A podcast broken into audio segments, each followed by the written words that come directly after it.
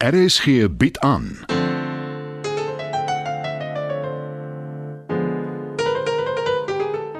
Die Lingervelders deur Marie Snyman.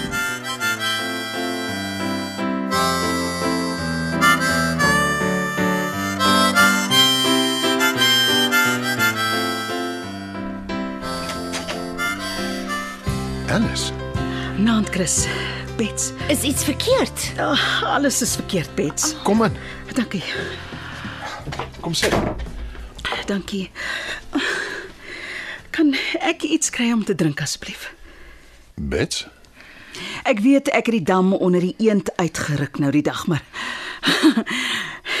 ek het regtig nou iets nodig. Ag, skink vir alles 'n stywe dop, Chris. 'n Whisky? Dankie, ja asseblief. Ek is jammer ek daag sommer net so op die tyd van die aand. proe maar of dit reg is.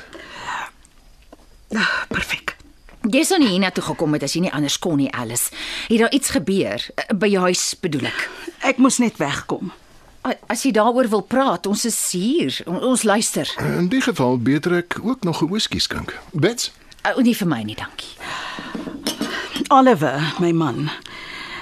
Ek het hom nooit vertel ek het 'n kind nie. Wel, ek het 'n kind gehad nie, maar vanaand ek weet self nie eers hoekom ek nie toe ek hom sê en uh, hy het dit beslis nie goed gevat nie.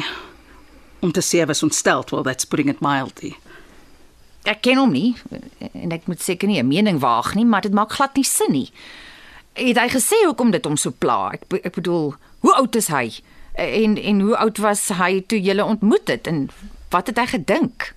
Hy het die slapende skoonheid wakker gesoen. Bets. Jammer, eh, ek sien nie jy's Jermaine Greer nie. Enige geharde feminis sal my uitlag. Ek bly by die huis, doen wat ek wil, koop wat ek wil, terwyl my man my onderhou. Ekskuus, maar ek is op 'n bandwagon. Jy's aan my kant, Bets. Dankie. Hoekom het jou man so heftig reageer toe hy hom vertel het van Paul? Ek het 'n ooreenkoms, 'n kontrak geteken toe ons getroud is. Een van die ehm um, noem dit maar klousules was dat ek geen kinders het of gaan hê nie. Hoekom? Hy het my nie gesê nie en ek het nie gevra nie.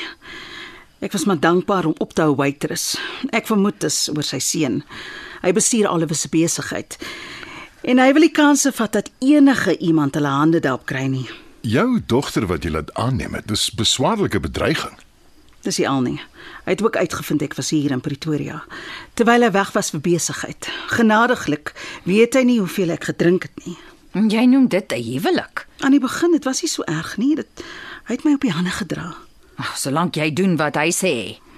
Ek het nie nodig gehad om enige besluite te maak nie en dit het my gepas. Nou, wat het intussen verander? Aletta het my boodskap gestuur. Sy het my vertel Paul wil sing. Nes ek. Nie dat ek ooit veel uitgerig het nie. My career was over before it started. En al die jare lank beweer my ma, jy en sy het geen kontak gehad. Dis my skuld. Ek het haar gevra om niks te sê nie, juis ter wille van Paul. Die vraag is, hoe lyk jou pad vorentoe? Daaraan het ek nog nie gedink nie. Ek het met die kar, sy kar, tot by die naaste garage gery, 'n Uber gebel en nie toe gekom. Ek het die kar net daar gelos en my foon by die huis sodat hy my nie kan kry nie.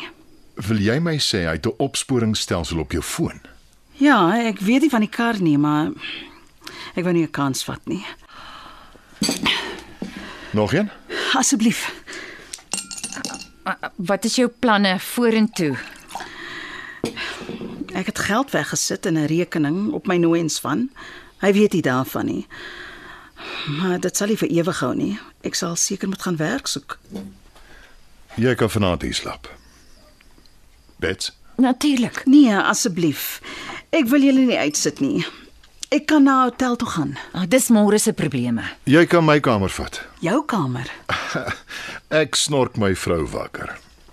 Een aand is nie die ergste nie. Nee, ek slaap sommer op die bank. Dis nie nodig nie. Asseblief, ek voel klaar sleg genoeg.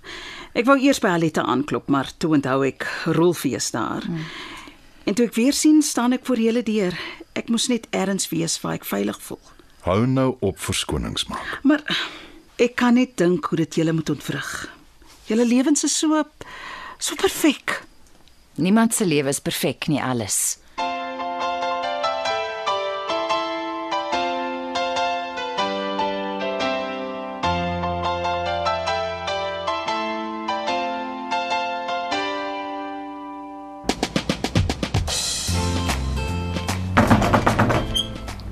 Gaan weg. Frank. Dis ek. Danny. My aarde. Jy is nou die heel laaste mens wat ek hier verwag. Kom in. Dankie. Jy lyk woes met die baard. Ek het lanklaas geskeer. Waar was jy? Noordwes. Klein dorpie. Jou ma was bekommerd oor jou, Ek weet sy het gebel en boodskappe gelos. maar jy het haar niks laat weet nie. Nee, Enige spesifieke rede? ek is baie lief vir my ma. Maar Ek het tyd weg van haar nodig gehad. ek verstaan dit. Ek is nie 'n ouer nie. Maar was dit nie 'n bietjie ekstreem nie? My hele lewe lank hoor ek hoe my pa kerm en kla sy piep my op. Ek het altyd gedink hy praat sommer om omdat hy my nie so liefhet soos sy nie. Maar nou dink jy hy was reg. Miskien. En dit het jy besef terwyl jy in die boondoes was. Jy vereenvoudig dit, Frank. Dit het nie skielik oornag gebeur nie. Wat het dit veroorsaak, Danny? Ek is nou vrek nuuskierig.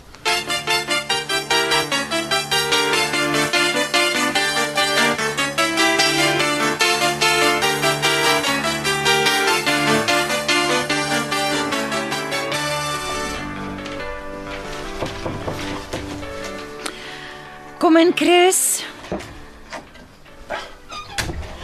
Hoe het jy geweet is ek? Wie anders sal dit wees?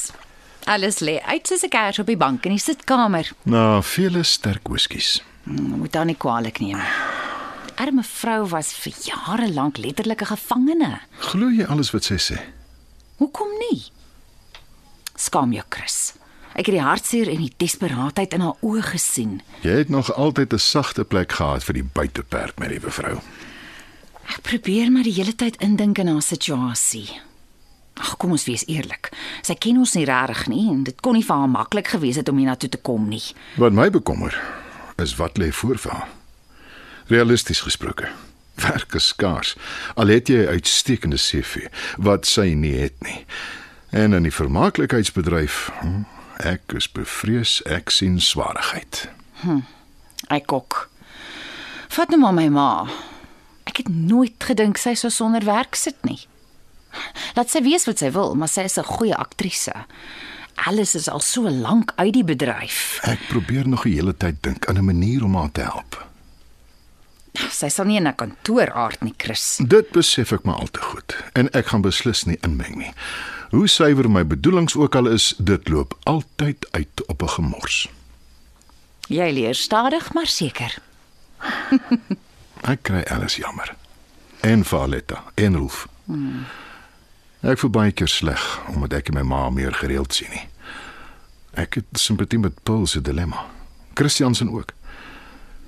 Maar daar's net een mens. Een enkele mens wat nog altyd die heel belangrikste was in my lewe. En dis jy, Bets. Vandat ek jou die heel eerste dag gesien het. My hart het gesmeld. So baie dinge het intussen gebeur, Chris. Ek weet. En ek het tot 'n groot mate afgestomp geraak. Een voet voor die ander gesit en net aangegaan. En jou verwaarloos. Nonsens. Min vroue lei so goeie lewe soos ek. Ek praat nie van materieel nie. Ek het met Dieter gepraat. Weer. Ek het hom raakgeloop in die winkelsentrum, uh, toe ek kunswinkel toe is. O, oh,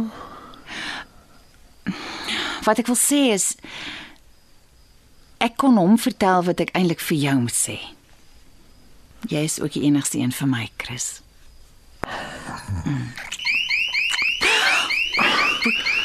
Ek gaan kyk gou.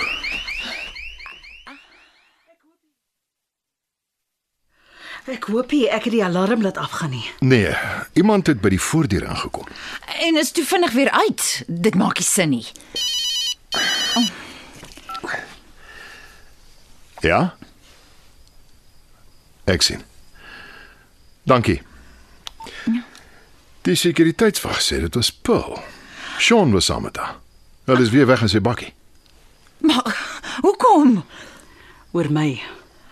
Nee, Alice. Sy moes my op die bank sien slaap het. Toe vlug sy. Dis die enigste logiese verduideliking. She resents me. My voorstel is ons gaan slaap en môre sorteer ons alles uit. Ek het 'n gemors gemaak van my lewe. Niks kan dit verander nie.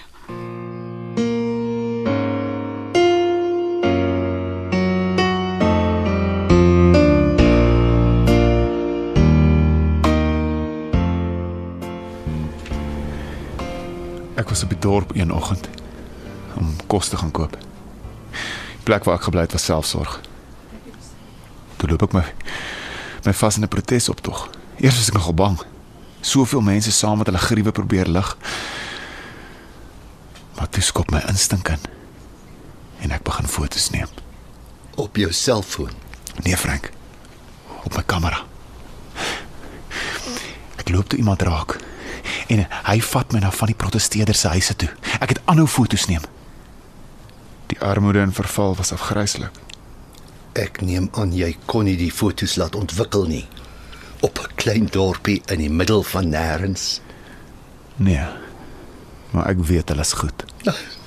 Die selfversekerdheid van die jeug. Ek is pas terug in Pretoria. Ek gaan alles môre laat ontwikkel en vir jou kom wys. Maar ek moes net vanaand met jou kom praat hoor. Ek wil hê jy moet uitstel. Ek doen baie selde fotos, Danny. Ek weet ek is nie David Goldberg nie. Al wat ek vra is 'n kans. Ek sal die bemarking doen. Eh, Radio, TV, sosiale media. Mag ek vra waar jy skielik al die kontakte opgetel het? My pa se naam beteken iets op die dorp. Die pa met wie jy niks te doen wil hê nie. Ek doen dit vir die mense, Frank. Hulle stemme moet gehoor word. En oornag word jy 'n kampvegter vir menseregte. Jy kan dit so stel as jy wil. Maar sal jy my help? Bring die fotos, dan kyk ons. Hm. Jy's 'n lus vir die oog en ek is dol oor jou. Maar my reputasie kom eerste. As die fotos regtig so goed is soos wat jy dink, het jy 'n uitstalling.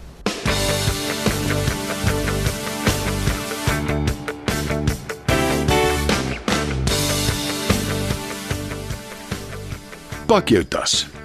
Ekskuus. Ek en jy ry nou Magalies toe. Onthou jy die lieflike hotelletjie? Stil, rustig, heerlike ontbyt. Dis watter tyd van die aand, hulle sal ons nie toelaat nie. Klaar gereël. Dis lekker naby. As ons wikkel ons is nou daar. Op, op wat van alles wat hier aan die gang is? Paul en en alles. En jy moet tog seker werk toe Ek gaan. het klaar met Elvira gepraat. Sy's in beheer. Vir hoe lank gaan ons? Wel, dit hang af van hoe lank dit my vat om jou behoorlik die hof te maak Chris. sonder onderbrekings.